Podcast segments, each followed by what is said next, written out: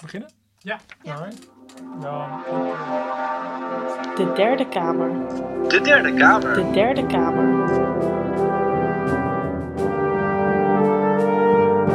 Laten we blij zijn met elkaar.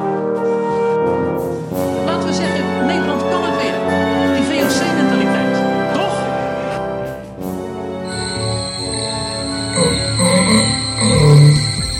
Het minister-presidentschap is all about responsibility. We're going to win so much, you may even get tired of winning. This loss hurts. Ja, voorzitter, ik kan hier echt ontzettend ehm, kwaad over worden. Ik denk dat... Het is zijn. Je zou kunnen zeggen dat ik van na de geschiedenis. 65 moet weer gewoon 65 worden. Hallo jongens en meisjes, dames en heren en welkom bij een nieuwe aflevering van De Derde Kamer. De leukste politieke podcast, toch Michiel? Zeker. Ja, zeker.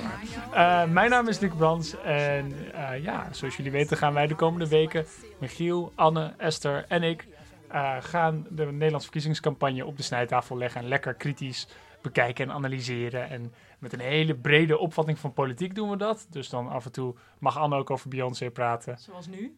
Ik wil het graag even over Beyoncé hebben. Oké, Anne. Vanwege dat ze zwanger is van twins. En Esther liet ons de beste tweet ooit daarover zien. Oh my halen? god, ja. Nou, het is niet letterlijk de tweet, denk ik, maar dat er nu meer donkere mensen in Beyoncé zitten dan in het hele kabinet van Trump. Eh, Nou, zoals u hoort, Beyoncé dus heeft ook met politiek te maken. Ehm, u hoorde haar al, Anne van der Wetering. Ehm, Anne, ehm, ik stel je heel even kort voor. Wie ben je en wat is je deze week opgevallen? eh, nou ja, eh, ik ben Anne van der Wetering. En volgens jullie ben ik een great communicator. Dus dat, eh, dat, eh, zet, dat zeg ik dan nu. Eh, ja, en ik zei het al eigenlijk gewoon vooral dat eh, het internet wild ging op Beyoncé en haar twins. En dat de mensen daar blij van werden. En dat was goed. Het is het meest gelikte post ooit op Instagram. Wauw. Over 10 miljoen nu, volgens mij. Oh my god, meer dan 10 miljoen. Eh, u hoorde haar net al even, dat is Esther Krabdam. Zij is eh, nieuw bij het team, of in ieder geval nieuw aan de microfoon, want zij was altijd al op de achtergrond aanwezig. Hoi Esther. Hoi Luc. Ehm, wie ben jij en wat is jou deze week eigenlijk opgevallen? Eh, ik eh, ben Esther, ik ben eh, historica en ik hou van eh actie voeren en van Beyoncé. En zoals je net hoorde, kan dat super goed samengaan. Dus ehm, dat ben ik. En mij is deze week opgevallen, ehm, wat me eigenlijk altijd heel erg opvalt, is het ontzettende egoïsme van Henk Krol. Oh, oh. Ja, het is eigenlijk niet, niet op, opmerkbaar. Ja, dat is het goede woord. Ehm, je kan er niet omheen. En hij zat deze week bij Buitenhof. En daar stelde hij zonder eh, blikken of blozen dat de jongeren van FNV het 100% eens zijn met 50PLUS. Ehm, nou ken ik toevallig wat jongeren van FNV. Ehm, Ik ben er zelf ook heen. ik ben er toevallig zelf eentje. En eh, dit is echt het achterlijkste alternative fact wat ik ooit heb gehoord. En ook de manier waarop je dat weer stelt. Nou ja, ik ga hier nog een keer een aparte rant over geven. Dat Ja, beloof ik alvast aan de luisteraars. Op gereageerd werd. Dus daar moeten we het dan een andere Ja, keer over absoluut. Een volgende keer gaan we het hebben over babyboomers en Henk Krol in het bijzonder. Die gewoon babyboomers belichaamt natuurlijk. Ehm, u hoorde hem al heel even een beetje mompelen op de achtergrond. En zijn lach is onmiskenbaar. Michiel Stapper. Eh, hoi Michiel. Hoi Luc. Eh, wie ben jij? Wat is jou eigenlijk deze week opgevallen? Ik ben Michiel. Ik eh, ben PhD-student aan de UvA bij Sociologie. Eh, en wat mij is opgevallen, ik eh, ben zondag naar de Intertuin geweest, waar ik planten heb gekocht. en dat bevalt me heel erg goed. Dus ik omarm tegenwoordig het burgerleven. Prachtig. Misschien kunnen we een keer samen naar een voetbalwedstrijd gaan. Leuk, eerst een Intertuin, dan een voetbalwedstrijd. Uit je Hey, bubbel! Luc, wie ben jij eigenlijk? En wat heeft jou bezig gehouden deze week? Eh, ik ben Luc Brands en ik ben eh, ja, docent en politicoloog en zo. Maar in deze uitzending gaan we het eigenlijk vooral hebben over vrouwen. Ehm, Yay! Ja, er komen van alles langs. eh, onder andere eh, bloemen Vrouwen. en vrouwen en vrouwen en vrouwen. Ehm, De Girls Edition. de Girls Edition, inderdaad. Eh, Anne, wat is het eerste item van vandaag? Eh, heel slim gespeeld dit, Luc, want nu moet ik dit uitspreken. Bloemen voor women. ja, dat, en wat is bloemen voor women? Wat dus niet correct Engels nog Nederlands is. Ehm, het is een initiatief van minister Lilian Ploemen. eh, om geld in te zamelen voor eh, het uitvoeren van abortussen. In, zeg ik dat goed? Ik weet eigenlijk, ik kan het helemaal niet goed samenvatten, denk ik. Oh, nou, ik weet wel wie het goed kan samenvatten, namelijk Lilian Ploemen zelf. Laten we even kijken. Women's rights are human rights. That's why I fight for the right of all women and girls to make informed choices about their bodies, about their lives. The global gag rule denies women and girls that right. That's why we step in. We created an international fund. I stand firm for women's rights. Join me. Uh, dames en heren, uh, u hoorde Lilianne Ploemen, uh, minister van Handel en Ontwikkelingssamenwerking, moet ik even benadrukken. Ja, van de PvdA. Van de Partij van de Arbeid, inderdaad. En wat is nou het geval? Zij wil, dus Donald Trump die heeft nu ervoor gezorgd dat alle funding voor NGO's, dus alle financiering voor NGO's die uh, abortussen mogelijk maken in het buitenland, dat dat wordt teruggetrokken. En dat gaat om 500, 600, 700 miljoen? Ja, 700 miljoen dollar. Dollar? Ja. Oké, okay, 500 miljoen euro of zo. Ja. En waar leidt het toe, jongens? Ongeveer? Uh, nou, sowieso tot heel veel uh, onveilige abortussen. Uh, dat dus in landen waar er ook überhaupt weinig voorlichting is over, over veilige seks en voortplanting en dergelijke natuurlijk een enorm probleem kan zijn. Dit zijn vaak wel landen die te maken hebben met HIV en dergelijke. dus het kan een enorme clustervak eigenlijk worden over de gezondheid van vrouwen. En inkomst Liliane Ploemen die Saving the Day met haar fund. Dus zij heeft een fonds opgericht waarin zij al het geld dat nu ontbreekt aan die NGO's eigenlijk wil goed maken. En dat is dan een global fund. Dus ze heeft zelf nog niet concreet gezegd hoeveel ze erin wil stoppen. Je kan ook zelf doneren.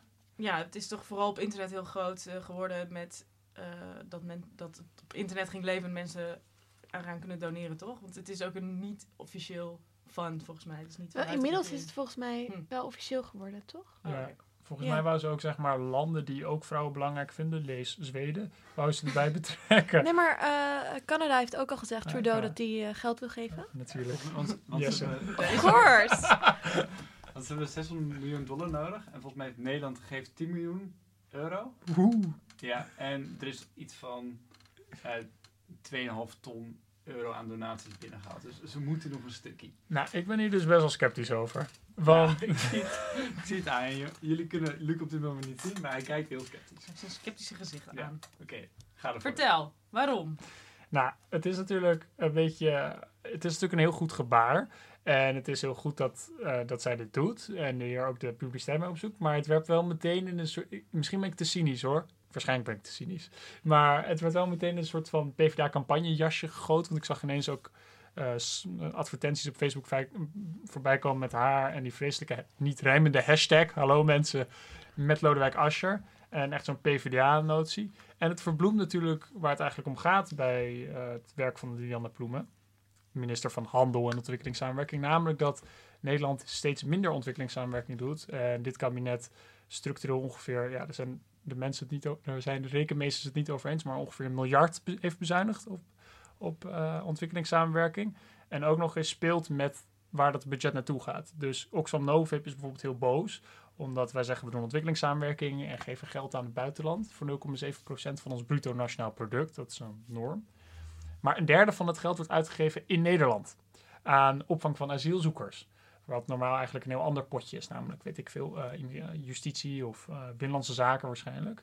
Eh, dus zo wordt eigenlijk een beetje verbloemd dat, dat er heel veel wordt bezuinigd. En Verploemd. Verploemd. That's it. en met dit initiatief al helemaal. Want nu lijkt het zo van, oh, ze heeft zo goed met vrouwen begaan. Maar nu wordt die vraag niet gesteld van, oké, maar wat heb je eigenlijk afgelopen vier jaar gedaan met ontwikkelingssamenwerking? Ja, ik zag ook wel een beetje voor me hoe er allemaal mensen van het PvdA-campagneteam een beetje sip de laatste weken waren van, nou, gaat niet zo goed, niet zo'n grote boom na Asher als we hadden gehoopt. En die dan nu opeens dachten, yes, bloemen for woman, let's go. en ik weet niet of het erg is, want het is natuurlijk ook wel tof dat alle kracht van zo'n campagne nu eigenlijk wordt ingezet voor zo'n soort initiatief. Dus ik wil er ook niet te cynisch over doen, maar het is wel, het komt de campagne heel goed uit, laat ik het zo zeggen. Maar het laat ook zien dat het gewoon beter werkt, zeg maar, dat een campagne beter werkt als je gewoon iets goeds doet, in plaats van dat je alleen maar goede dingen zegt. Zeg maar, Ja. Of, zeg Ja. maar dus dat handelen meer doet dan, zeg maar, praten over handelen. Dus ben ik er wel gematigd positief over. Omdat, omdat het kan, ook een stimulans kan zijn om gewoon zeg maar, Ja. normaal te doen. Niet in de Rutte-zin van het woord, maar gewoon zeg maar, goede dingen te doen. In, in plaats van alleen maar soebatten over. Ja, je kan mensen ook echt meekrijgen om zelf iets te doen, namelijk geld geven aan een goed doel. Wat ze, nou ja, als je, als je op zo'n manier de campagne zeg maar daarvoor misbruikt, tussen aanhalingstekens, dan vind ik dat niet zo heel erg, denk ik. Dus misschien een nieuwe manier van campagne voeren dan of zo. Of een soort van Ja. heel slimme manier van viral, virali, viralheid opzoeken of zo voor campagne voeren. Hoe bedoel je dat dan? Is, is het niet juist de essentie van politiek, zeg maar, wat zij nu doet? Dat zij, je kan het opportunisten no- noemen, maar dan, ja, dit gebeurt, zeg maar. Dit- deze vreselijke maatregel van eh, Trump gaat enorme impact hebben. En zij stapt er wel in. En dan kan je zeggen, ja, politiek gewin. Maar het is een minister die nu politiek handelt. En dat is toch juist heel erg goed. En dat zij dat wil vertellen naar de mensen toe. Ja, dat is nou eenmaal een onderdeel van onze democratie. Toch? Ja, ja. Ja, nee, ik denk dat je gelijk hebt. Maar dat maakt niet mij dat ik op PvdA ga stemmen of zo. Dus. Maar ik ondersteun wel het handelen. Dus in die zin heb je misschien wel gelijk. Ja. Ja, en, en het is iets ook waarop je dan zeg maar, de partij ook weer kan aanspreken als in als ze zeg maar beleid gaan uitvoeren wat niet voor vrouwenrechten. Helpt, zeg maar niet helpt, dat, dat je in ieder geval ze kunt, daarop kunt aanspreken naar aanleiding van dit initiatief. Ik zag wel ook een eh, fragment bij de Wereld Draait Door, waar zij hier met Matthijs van Nieuwkerk over praten. Het was wel heel erg eh, behendig de vraag, heb je dit zelf bedacht aan het ontwijken? Ehm, door te stellen, zeg maar, dat het er al, het idee, ze hadden het erover gehad met ambtenaren, maar dat ambtenaren vaak ehm, eh, procesmatig te, te werk gaan. Dus eigenlijk ook steun wilden, eerst wilden inwinnen bij andere landen.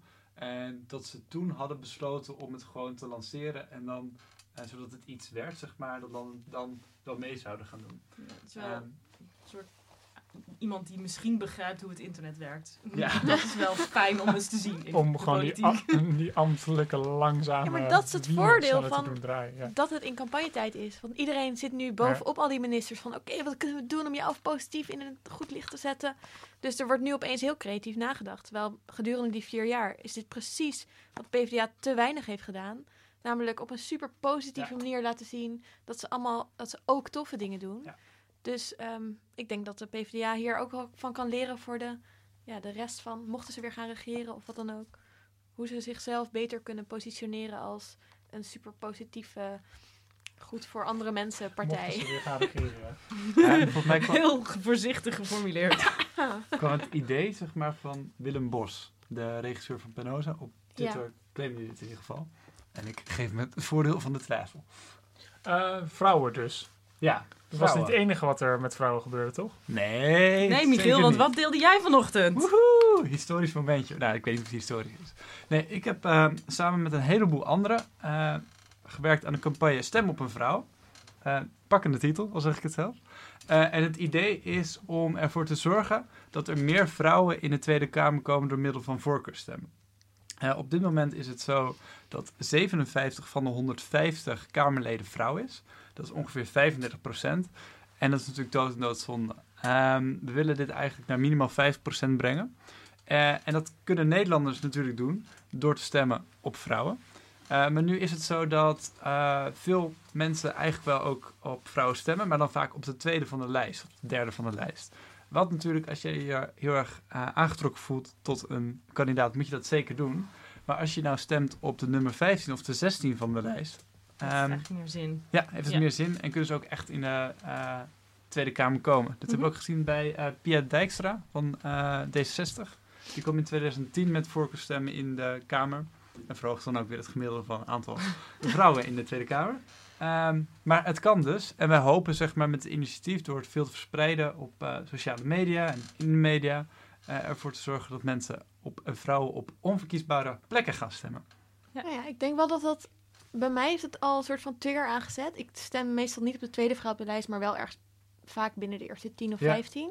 Dat ik nu over nadenk van, oh ja, misschien kan ik nog wel meer doen met mijn stem door op iemand verder op de lijst eh, te gaan kiezen. Dus ja, zelfs, ik denk dat je juist de mensen die misschien wel al over het randje zijn, van ik stem een vrouw of die dat toch al doen, dat je die nog even iets meer kan laten nadenken van, maar op welke vrouw dan? Het is sowieso denk ik goed om na te denken over op, op wie je stemt ook. Als zeg maar op welke persoon. En, In plaats van en alleen maar op welke partij. Als alleen maar op welke partij. Ik denk dat daar ook veel mensen nog mee...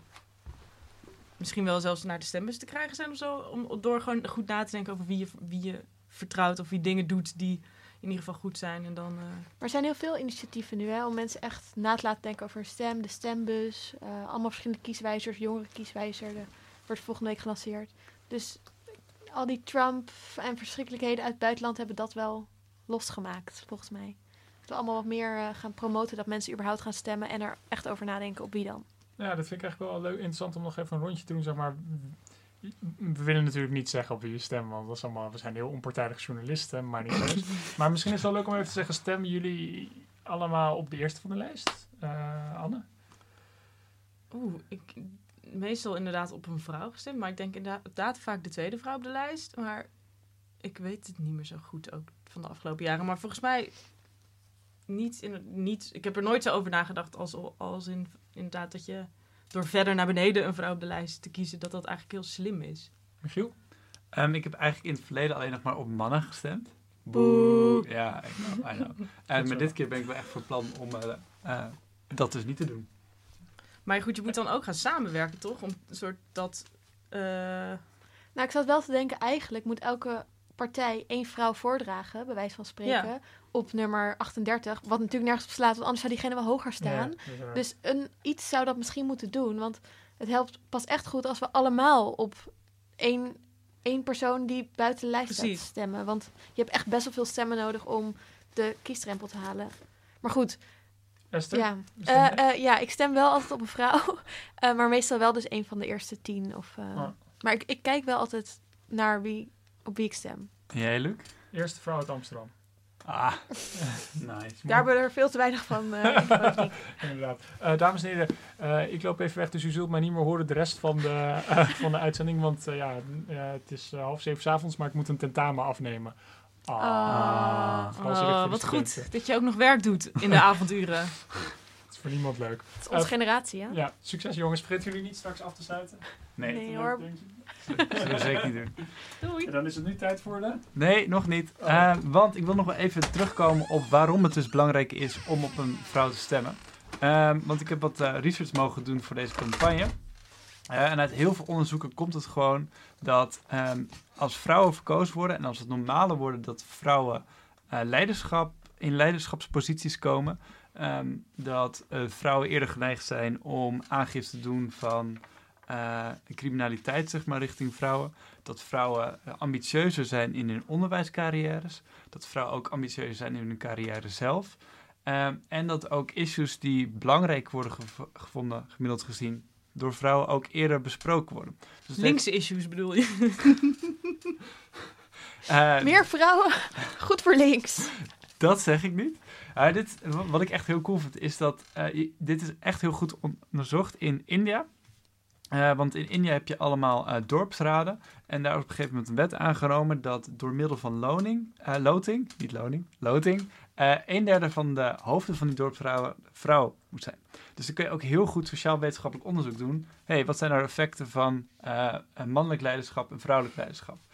Daar komt dit uit. Maar ook uit onderzoek in Noorwegen en Canada komen deze effecten iets minder sterk, maar het wordt wel bevestigd. Dus Hmm. het, echt, jongens, het zijn geen, geen alternative facts, het zijn gewoon scientific, keiharde facts. Waarheden. Stem op een vrouw, verander de wereld. Oh, zo mooi, dit doet me goed. Nou, gaan we nu eh, naar eh, iets anders wat ook over vrouwen gaat. Namelijk de VOC Award. De award die we iedere week uitreiken aan eh, de meest racistische of seksistische dingen die we voorbij zien komen. Meestal in de media. En het is vaak best wel moeilijk kiezen, want er komt nogal wat langs. Er komt nogal wat langs, maar we hebben wel echt een pareltje deze week. Michiel, take it away. Ja, het is echt een klein beetje om te janken. Ehm, het is een interview. Het is een, de, de VOC Award gaat dit keer naar Jan Hoedeman van de AD. Eh, en waarom krijgt hij de VOC Award? Hij heeft eh, eh, minister Janine Hennis Plasgaard van Defensie geïnterviewd. Ehm, en ehm, nou, dit is een minister van Defensie, om te leger, zeg maar, onze marine. Eh, ik denk dat je daar echt heel veel interessante vragen eh, aan kan stellen. Gewoon ook echt een pittige, interessante vrouw. Met veel ervaring. Ja, en ze heeft ook echt een idee over hoe ze dat ministerie leidt. Een visie is voor de VVD ook best wel. Oké, wat denk je dat de eer- eerste vraag is? Nou, ik heb het toevallig gelezen. ja, oké, hier komt hij. Erotiseert politieke macht. Want ja, waarom zou je naar de inhoud vragen? Ehm, en keer op keer op keer, ehm, ik heb even geteld van ongeveer 20 vragen die in het interview terugkomen, gaan 13 over het uiterlijk of het gezinsleven van de minister. Niet over de inhoud, maar over de uiterlijk, over de vrouw zijn. Het is fucking irritant. Kom op, het is 2017. It's 2017! Ah, ik word hier echt heel erg boos om. Ehm, misschien nog wel, eh, dit was Anne, waar jij je heel erg ehm, aan ergerde. Deze vraag, een pareltje van seksisme.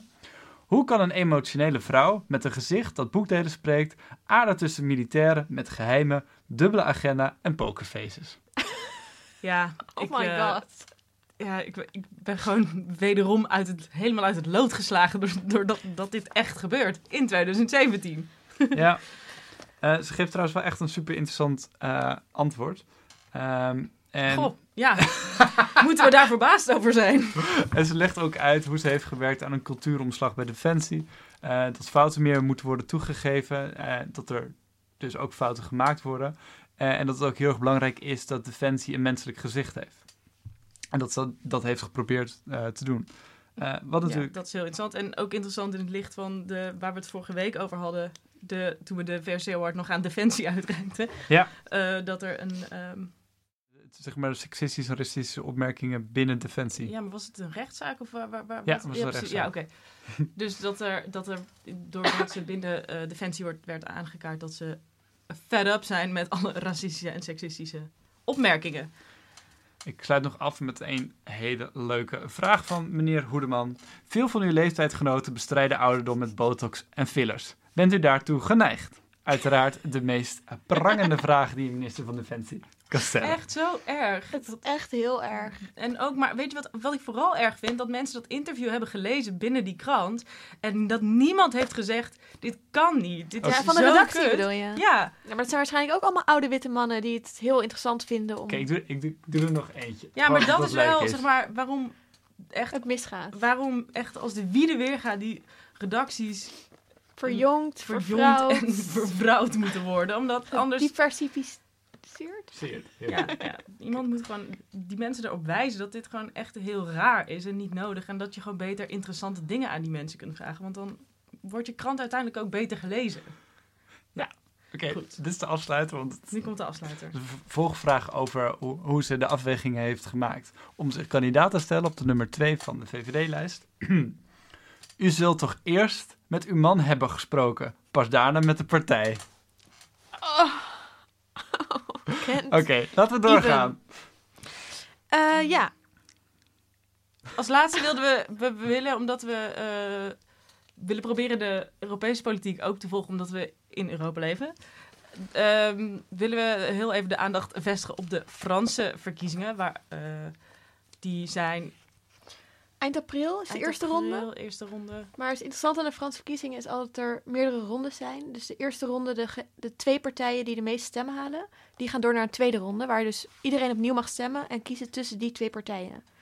Ehm, ja, en eh, Michiel en ik gaan eh, naar die eerste ronde. Tijdens die eerste ronde gaan we naar Parijs. eh, om daar de verkiezingen te volgen. Dus het leek ons leuk, omdat wij daar de komende tijd mee bezig zijn. En jullie daar af en toe ook over op de hoogte te houden. Dus even een korte inleiding en een paar dingen die eh, interessant zijn om eh, eh, daarbij mee te nemen. Jullie weten waarschijnlijk allemaal wel dat Le Pen ehm, een belangrijk kandidaat is, extreem rechts, of nationalistisch in ieder geval heel erg. Heeft deze week haar verkiezingsprogramma gepresenteerd. En ze wil bijvoorbeeld ehm, eh, super protectionistisch worden, een belasting heffen op het werk wat gedaan wordt door immigranten. Ehm, nou ja, echt een beetje Geert Wilders-achtig. Ze willen een eh, referendum doen om eh, eh, of Frankrijk uit Europa moet. Nou ja, als Frankrijk vertrekt uit de EU, dan is eigenlijk het hele Franse project, of eh Europese project, sowieso naar de knoppen. Dus heel belangrijk of zij wel of niet heel groot gaat worden. Maar er is een uitdager en dat is Filon, een republikein. En men zag hem heel erg als degene die haar wel zou gaan verslaan. Ehm, maar er is een schandaal eh, naar buiten gekomen over zijn vrouw. ehm, die mm, ja, een, een baan, zogenaamd een baan had, maar dat eigenlijk niet deed en daar wel voor betaald kreeg. En Vanuit de overheid. ja, dus heel veel gedoe. Ehm, Dus hij neemt heel erg af in stemmen en populariteit. En nog even over Filon. Het was, hij is namelijk ook super rechts, zeg maar. Het was de Ja. uitdager van Le Pen, maar hij is ook heel erg rechts. Het is een beetje VVD eh, Ja. toch? Maar, beetje Ja, maar ook wel een beetje tegen het homohuwelijk. heel Eh, christelijk. heel erg pro-Rus. Nou, Ah. in ieder geval pro-Rusland. Nou, dat. ja. Dat. Dus niet Marine Le Pen, maar de uitdager. De uitdager. Oh. Maar waar wij de Jessias hebben, die opeens de derde eh, is in de peilingen. Lil Klavi. Eh, Lil Klavi, hemzelf. Heeft Frankrijk Macron. eh, wat natuurlijk al een prachtige naam is voor een Franse verkiezingskandidaat. Ehm, hij was eh, minister van Economische Zaken van de Socialistische Partij. Maar hij is uit de partij gestapt een tijd terug en heeft een eigen beweging opgestart. Eh En Marche heet het. Eh, iets van eh, laten we gaan of zo. Ehm, en hij is qua economische visie een beetje ja, iets meer rechts van het midden. En qua sociaal een beetje links. Dus we zouden hem kunnen zien als een soort Alexander Pechtold D66. En ehm, dit, deze beweging bestaat dus, nou ja, ik denk een jaar of zo, nog helemaal niet lang. Ja. En ondertussen eh, is hij, dit weekend was hij de nummer twee in de peilingen. Eh, de, hele, de Socialistische Partij is eigenlijk nergens meer. En eh, enorme massa's mensen staan om hem te juichen. En hij is de grote held van zeker veel jonge mensen. Ehm, en nou ja, het is best wel bijzonder dat er eigenlijk uit het niks in de Franse politiek, die best wel, eh, ehm, nou ja, de Socialistische Partij was altijd heel groot. Eh, ehm, best wel een traditie, ja, een politiek van tradities. Dat daar nu een hele nieuwe partij doorheen eh, beweegt. En ook wel eh, interessant dat je bijvoorbeeld wat je ziet bij Jesse Klaver, eh, ook bij de Cinque Stelle van Italië, bij, ehm, ik geloof ook wel in Engeland, maar dat er dus van die hele massa's mensen staan te luisteren naar een, een politicus. Het Bernie Sanders of Obama-effect, ook hier in Europa, nu aan het, aan het werk. En ook dat het dus een soort ja, bijna verlossingsfiguur is. Iemand waar iedereen heel opgelucht over is. Een, ja, van buiten de politiek. Wat je nou ja, bij Jesse Klaver misschien wel wat minder kan zeggen. Maar hij is natuurlijk wel heel erg jong. En daarmee is hij een beetje een outsider. Ja. Ehm, Macron nou ja, het is een nieuwe partij. Hoe oud is Macron? Eh, volgens mij eind 30. Ook niet heel oud. Of begin 40. En hij heeft een 20 jaar oudere vrouw. Oh ja, die is lerares. Ja, het was zijn lerares. Ga Even de Oh, juice hier, hè? Ja. Inderdaad, En, nou, wil ik nog wel even vragen of Michiel zijn eigen theorie over het socialisme nog even erin wil gooien als afsluiter. Want dit, dit stemt mij toch ook wel weer heel vrolijk. Want we zien dus ook hier dat in Nederland PvdA neemt heel erg af aan eh, eh, kiezers, ehm, aan populariteit. En dat gebeurt dus ook in, eh, in Frankrijk, waar de Socialistische Partij nou ja, in de peilingen eigenlijk nergens meer is. Ehm, dus het socialisme breekt af, maar Wat komt er voor terug? Tadada. Nee, ik was een beetje aan het denken en je, je ziet, eh, Esther benoemde er al een paar, zeg maar, toch een soort van ja, patronen of overeenkomsten tussen de, de chaotische politiek van de laatste tijd. En dat is natuurlijk heel erg dat de outsider als politiek kandidaat eh, mateloos populair is. Je had Donald Trump, Bernie Sanders, Jeremy Corbyn in Engeland. En Bernie Sanders en Jeremy Corbyn zijn al hele lange politieke carrières. Maar het een beetje de, de, de, de mopperende oude man die opkomt voor de echte idealen. Ehm, de grote rallies. Ehm, maar je ziet ook heel erg dat, dat socialisme gewoon niet meer echt leeft. Dat eh, Jeremy Corbyn in Engeland dan is verkozen tot leider van Labour. Maar het gaat echt dramatisch in de peilingen. Eh, ondanks dat er heel veel aan de hand is natuurlijk in Engeland. Ehm, je ziet dat nu in Frankrijk, de Socialistische Partij eigenlijk eh ineenstort. Ook zij hebben namelijk een soort van Bernie Sanders verkozen nu. Ehm, en eh, in Nederland doet natuurlijk de PvdA ook helemaal niet heel erg goed. Eh, en je zou kunnen stellen dat wat nu zeg maar in plaats van het socialisme komt als dominante eh, politieke filosofie voor links, is het feminisme. pam pam pam. Pam, pam, pam. Het intersectioneel feminisme. Zeer zeker. Dus dit verbindt alle, alle linkse partijen, linkse kiezers, linkse... Ja, het, het is een antwoord op eigenlijk de, de identiteitspolitiek van rechts. Hè? Dat je zeg maar eh, eh, de, de nationale waarden moet delen, zeg maar. Dus eigenlijk ook een beetje tegen de islam, maar dat je ehm, vooral gewoon moet doen, zeg maar, die identiteitspolitiek. is een soort feminisme een logisch antwoord erop. Om dat te laten zien van ja, nee, een samenleving is heel erg divers. Ehm, en in diversiteit moeten we zoeken naar zoveel mogelijk sociale, economische en politieke gelijkheid. Ik vind het prachtig. Ik vind het ook prachtig. Ik wil een, eh, Je moet hier een boek over schrijven. Eén kritische kanttekening hierbij is dat het de eh, uitdragers van het feminisme op dit moment allemaal mannen zijn in het politieke spectrum. Behalve de Marianne Thieme van de Partij voor de Dieren, die toch ook al zeer lang een punt hiervan maakt. Maar mag Ja. ik dan nog even één tip voor alle luisteraars? Dat Upcoming een lijstje heeft gepubliceerd van vrouwelijke lijsttrekkers. Of eh, hoe zouden de lijsttrekkers eruit zien als ze een vrouw waren? Met eh, Jessica Klaver, Liedewij Ascher en Alexandra Pechtold. En nog vele anderen. Een supermooie blonde Gre- Greet Wilders. Ehm, het is best wel goed gefotoshopt. Dit is echt even Google-waardig. Eh, dus, ehm, nou ja, om nog even iets positiefs over deze. Ja, ik kijk er erg naar uit om dit te gaan eh googlen. Oké. Oké. Eh, dan eh, met de, zijn we tot het einde gekomen van de derde aflevering van de Derde Kamer. Tot ons grote schrik. Ineens. Oh, misschien nog eventjes goed te zeggen dat jullie binnenkort gaan optreden in uh, Pakhuis de Zwijger. Ja, we moeten binnenkort iets zeggen over parlementaire journalistiek in Pakhuis de Zwijger. Want dan kunnen we daar even zeggen waarom we ons de hele tijd zo boos maken over dingen. Ehm, maar ja, ik dacht ook inderdaad, als, als mensen daar ideeën voor hebben wat we daar kunnen gaan vertellen, wil ik ze best wel weten. Ehm, dat en wat ik ook nog wilde zeggen is, Wanneer bedankt is het? Sinetol voor dat we hier mochten zijn. Het is op 20 februari. 20 februari, Pakhuis de Zwijger. Gratis. Ik kan ons in het echt zien. Woehoe. Super cool. Ja. Oh ja, ook We zijn, Sinetol niet- we zijn geen hologrammen. Nee. Maar goed, ja, bedankt Sinetol. Oké, dat is echt de meest rommelige afsluiting. Dat is niet erg. Nee. Mensen waarderen ons om onze chaos. Ja, zeker We waar. zijn net als andere mensen. Chaos is het antwoord op kapitalisme namelijk. Oeh.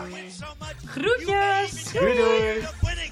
This loss hurts. Ja, voorzitter, ik kan hier echt ontzettend eh, kwaad op worden. Ik denk dat... Het is zijn. Je zou kunnen zeggen dat ik van na de geschiedenis. 65 moet weer gewoon 65 worden. Jongeren tegenover ouderen. Laten we zeggen, Nederland kan het weer. Voorzitter, ik begrijp heus dat bij een coalitie er sprake is van geven en nemen. I know we have still not shattered that highest and hardest glass ceiling. Ja, ja. De media zijn de lakaien van de macht. Jij wel. ja, ja, ja, ik wel. Gelukkig. Ja?